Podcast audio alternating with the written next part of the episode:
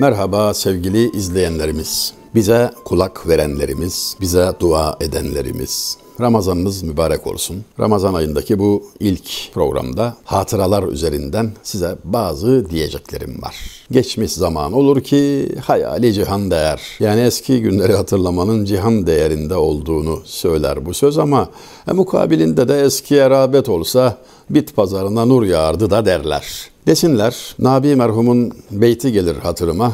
Eğerçi köhne metaız, revacımız yoktur. Revaca da o kadar ihtiyacımız yoktur.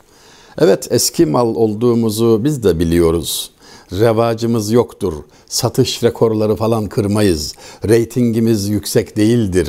Doğru ama e, olmazsa olmasın ihtiyacımız da yoktur diyerek harika bir gazeline başlar. O beyti, okuduğum şu beyti sürdüren bir başka şair geldi 20. yüzyılda. Fuat Uluç. Hıncal Uluç'un babasıdır. O da diyor ki Serayı uzleti beyhude kılmadık meva zamanı hale muvafık mizacımız yoktur.'' Hani Nabi demişti ya yoktur redifli eğerçi köhne metaız revacımız yoktur. Revaca da o kadar ihtiyacımız yoktur. İşte onu sürdürüyor, nazire yapıyor Fuat Uluç ve diyor ki uzlet sarayını yalnızlık köşesini boşuna seçmiş değiliz ha. Var bir sebebi. Nedir o sebep? Zamanı hale muvafık mizacımız yoktur. Halin gidişine, zamanenin tavrına uygun değil mizacımız ne yapalım? Uyamayınca da çekiliyoruz köşemize diyor. Eskilerin tavrı buydu işte istina hali. Yani bana lazım değil, sizin olsun filan tarzında böyle dünyanın süsüne, gösterişine, tantanasına aldırış etmeyi verme haline kısaca istigna diyoruz fakire yaraşan bir sıfattır. İstina, nazlılık da demektir çünkü. Nazlanmanın adıdır aynı zamanda istina. Bu bana lazım değil diyorsunuz ya, nazdır tabii. Şair Necip Fazıl Kısakürek merhumun hocasının hocasının kelamını hatırlayalım mı? Buyurdu ki, bu bana lazım değil diyen rahat eder. Seyyid Fehim Arvasi Hazretleri bu bana lazım değil diyen rahat eder.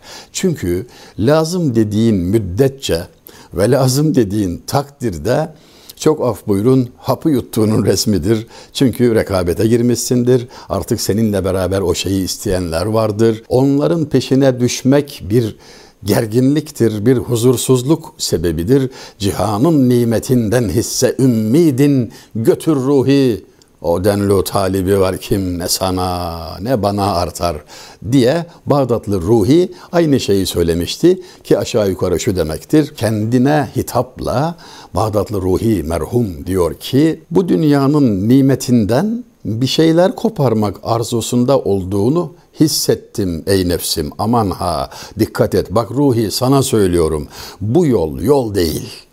Çünkü eğer böyle gidersen huzurunu kaçıracaksın ve bu dünya senin için bir adeta zindan olacak. Sırtını dönmeden rahat edemezsin. Dünyanın tabiatı bu. Vefasızdır. Sen de ona vefasız davranırsan, ona tenezzül etmezsen ancak hürriyetini elde edebilirsin. Hangi hatıralardan söz edeceğim?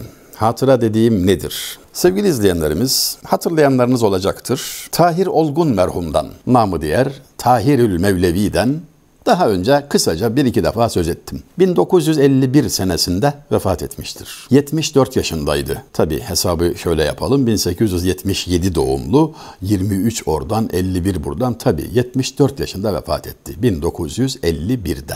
Vefatından hemen önce Laleli civarında açtığı bir kitap evinde, kitap satılan bir dükkan, kitapçı dükkanında daha doğrusu bizzat kendisine ait olan, meşgul olduğu kütüphanesinde bulunan kitapları satarak geçinme yolunu seçmiş. Ancak maceralı hayatının bir sonucu olarak devamlı gözlem altında, tarassut altında olan dükkanına melekler ve sineklerden başka uğrayan pek olmadığından, ara sıra gelen dostlara da mevcut kitapları hediye ettiğinden sermayeyi kediye yükleyerek evinin yolunu tutmuş, sefalete çok yakın bir hayat seviyesiyle bu dünyadan ayrılmıştır. Renkli bir kimlik ve kişiliktir. Çok zengin birikimi olan, mütebahhiresi, hayranlık uyandıracak seviyede geniş olan, derin olan bir münevverimizdir ve selam.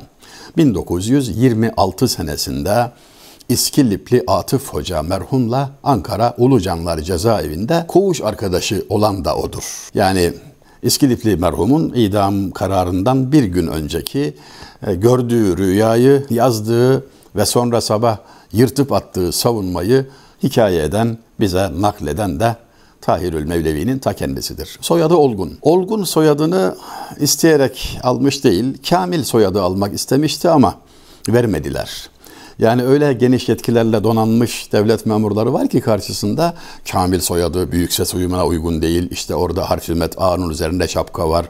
Zaten Arapça kökenli ve dini çağrışımları var filan diyerek eş anlamlı olgun kelimesiyle yetinmeye mecbur bırakılmıştır. Buna benzer hikaye çoktur o soyadı kanununun uygulanması sırasında. 2 Temmuz 1934 tarihli resmi gazetede yayınlanıp 6 ay sonra yani 2 Ocak 1935'te yürürlüğe giren soyadı kanununa göre meşhur Tahirül Mevlevi artık Tahir Olgun diye anılmıştır. Önümde duran şu kitaplarında imzası ona aittir. Her üçünü de kendisi ardarda 3 yıl 1936, 37 ve 38 senelerinde imzalayıp talebesine vermiş. Hikaye şu. 2008 yılıydı ve ben ilk defa TRT'de bir program, divan edebiyatı sohbet programına başlamış idim. Kasım ayıydı. 2008 yılı 13 sene olmuş. Bir programda Tahirül Mevlevi'yi harika bir şiiriyle etraflıca anmıştım. O şiir Nabi merhuma tesdis olarak, altılama olarak yazılmıştır. Nabi'nin meşhur natı, Hazreti Peygamber'i anlattığı aleyhissalatü vesselam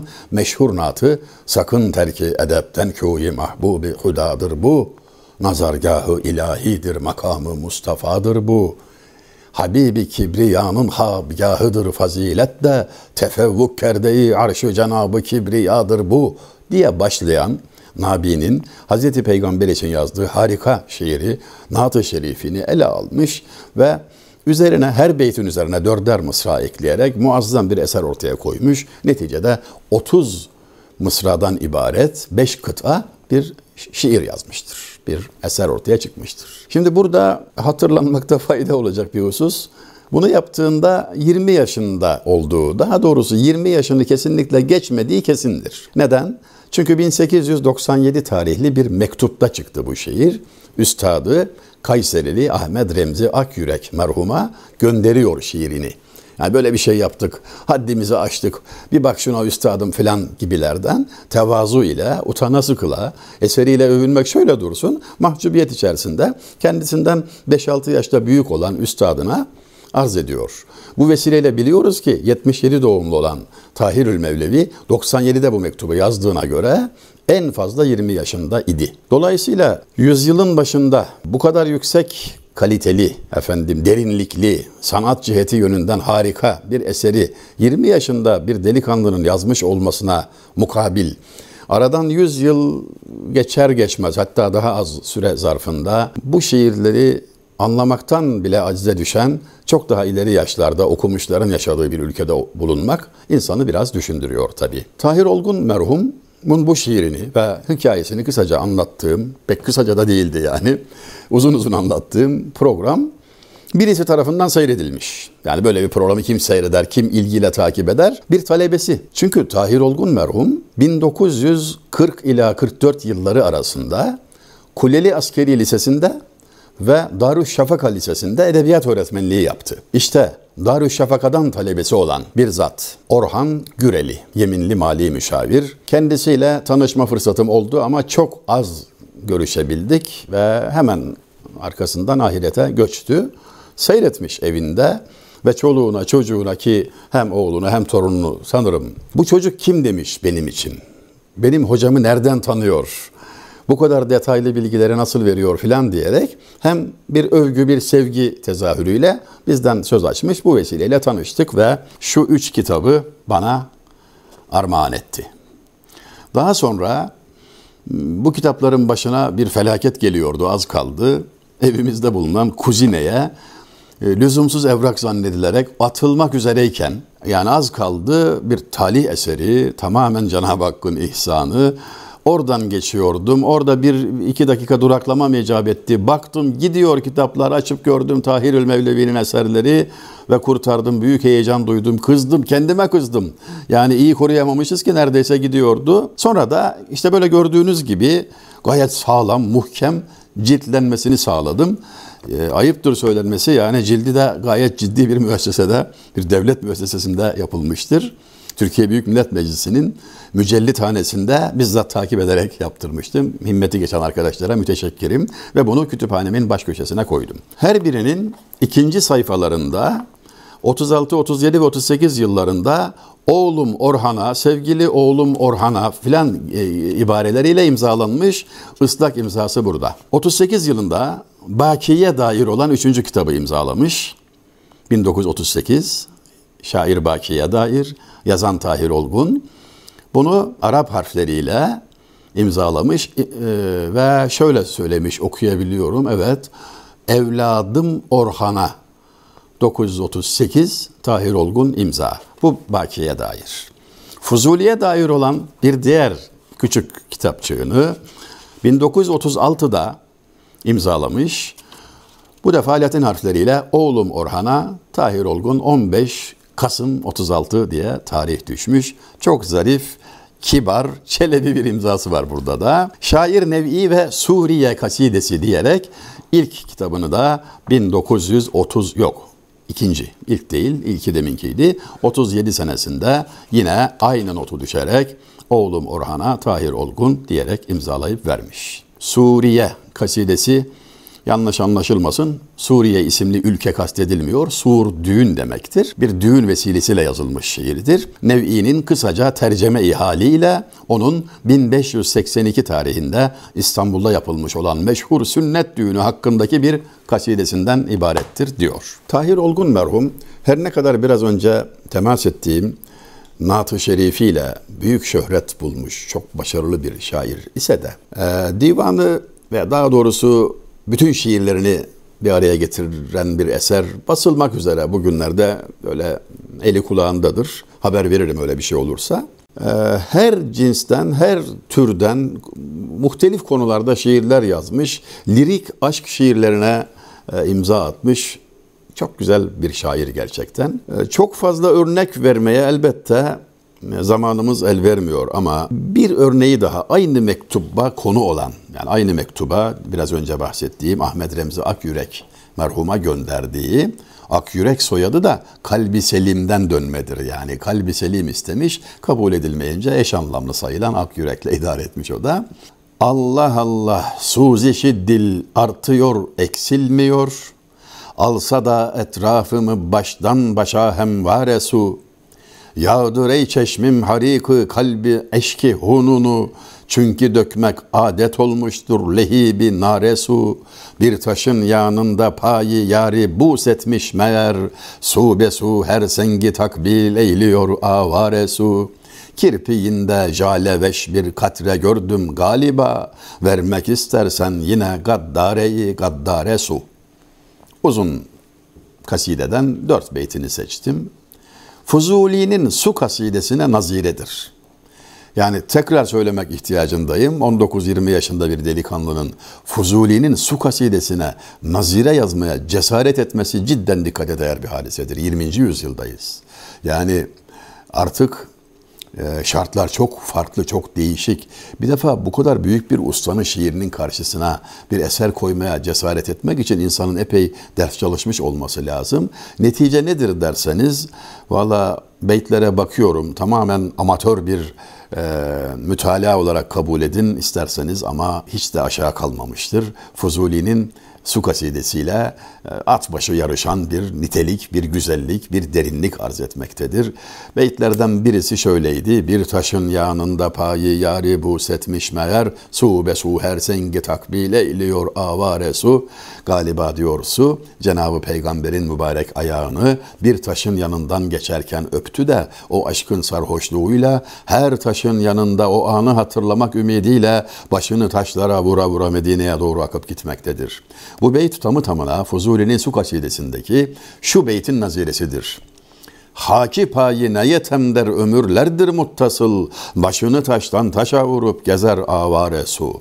Mana aynıdır. aşağı yukarı aynı birebir tercüme aynı günümüz Türkçesine birebir ter, aynı tercüme yapılabilir ama sanat değeri açısından hadi geçti demeyeyim ama e, aşağıda da kalmıyor işin doğrusu. Dolayısıyla belki de bizim bunu biraz daha dikkatlice düşünmeye ihtiyacımız var. 19. yüzyılın sonlarında doğmuş olup da 20. yüzyılın ortalarına doğru, ortalarından sonra vefat etmiş olan o kalem erbabının hangisine baksanız hayretler içinde kalıyorsunuz. Demek ki cidden çok hatırı sayılır bir birikimin mirasçısı ve taşıyıcısı onlar. Tahirül Mevlevi'nin bir başka önceki şairlere yaptığı çalışmalardan biri bu defa tesdis yani altılama daha eski bir şair Balıkesirli Zati'nin naatına bir çalışma yapıyor ki eh, pes dedirtir yani. Sadece bir kıtasını okuyorum. Zati merhum şöyle söylemişti. Kametin ey bostanı, la mekan pirayesi, nurdan bir servdir düşmez zemine sayesi. Ya Resulallah senin vücudun, senin varlığın, boyun mekansızlık aleminin süsüdür. Nurdan bir servisin sen ki gölgen yere düşmez.'' Ki şairler bu mefhumla çok meşgul olmuşlardır. Şefaat gölgesi mahşer halkına daha kuvvetle düşsün diye dünyadayken gölgesi yere düşmedi o serverin diyerek şairler terennüm etmişlerdir. İşte bu beyti tahmis ederken, beşlerken bakın Tahirül Mevlevi neler söylüyor. Ey Huda'nın aferinişten yegane gayesi, kudreti icazı hakkın en mükemmel ayesi, Hakin eflakin vücudu akdesindir vayesi, kametin ey bostanı la mekan pirayesi, nurdan bir servdir düşmez zemine sayesi. Son iki mısrayı açıkladık ama ilk üç mısrada Tahirül Mevlevi der ki, Ey Cenab-ı Hakk'ın bütün yaratılmışlardan yegane gayesi. Çünkü meşhur hadisi kutsi'de sen olmasaydın, sen olmasaydın hiçbir şeyi yaratmazdım buyurulduğu bilinir, buyurulduğu bilinir. Kudreti icazı hakkın en mükemmel ayesi yani mucize tarzında mucizevi yaratılışın e, en mükemmel ayası yani o elin ayası diyerek muazzam bir benzetme yapıyor. Hakin eflakin yerlerin göklerin vücudu akdesindir vayesi hem yerlerin hem göklerin en mükemmel payı en güzel hissesi senin varlığındır ya Resulallah. Seninle övünür bütün mevcudat diyerek e, sözü gayet güzel koymuş. Tahmisi gayet güzel yapmış. Merhumun bir kıtasını da zikredip söze nihayet verelim. Yoksa hakikaten Tahirül Mevlevi merhum hakkında anlatılacak şeyler biter tükenir gibi değil. Yani kütüphane gibi adam. Mesnevi şerhi var, edebiyat lugatı var, harika bir eserdir. Bu sahada bilgi edinmek isteyenler için hakikaten benzeri bulunamayacak bir teknik eser, teknik manada yani şiiri öğrenmek isteyen için e, gösterebileceğimiz birkaç eserden biridir. Velhasıl çok yönlü, eskilerin deyişiyle zülcenahayn yani iki kanatlı derlerdi eskiler. E, çok yönlü bir ilim sahibi zattan bahsediyorum. Son okumak istediğim kıtası şu idi. Tabı aşkın yaktı ey ateş mizacım kalbimi. Bitti meyyar, işledi dil haneme tirin senin. Bir nefes evvel beni öldür de kurtar sevdiğim. Etme istina, lütuf kıl, yok mu şemşirin senin?'' Mükemmel bir murabba yani dört mısradan ibaret şairler murabba tarzını çok severler. Dediği şu aşkının ateşi yaktı ey ateş tabiatlı ey ateş mizacım kalbimi. Öyle yandım ki bittim ey yar. Gönlüme işledi attığın ok. Bittim ey yar işledi dilhane metirin senin. Attığın ok kalbime işledi. Bir nefes evvel beni öldür de kurtar sevdiğim. Beni öldür de kurtar başka kurtuluşum yok. Ve nazlanma etme istina lütuf kıl. Yok mu şemşirin senin nazlanma diyor lütfet diyor merhamet et. Bir bıçağın falan yok mu bir kılıcın yok mu diyor. Öldür de beni kurtar diyor. Lirizmde şiirde lirik edada yani Fuzuli ile yarışan muazzam bir üstattan söz açtık. Birkaç cümleyle kendisinden bahsedelim dedik. Eşhur şair Nef'i'nin Maliki mezhebim benim zira itikadımca kelp tahirdir mısralarını hatırlatarak Sadık Hoca ona bir soru sorar da Kuleli'deyken Maliki mezhebine göre köpek temizmiş yani kelp tahirmiş ne dersin Tahir Hoca deyince adı Sadık olan hocaya cevap şu olmuştur.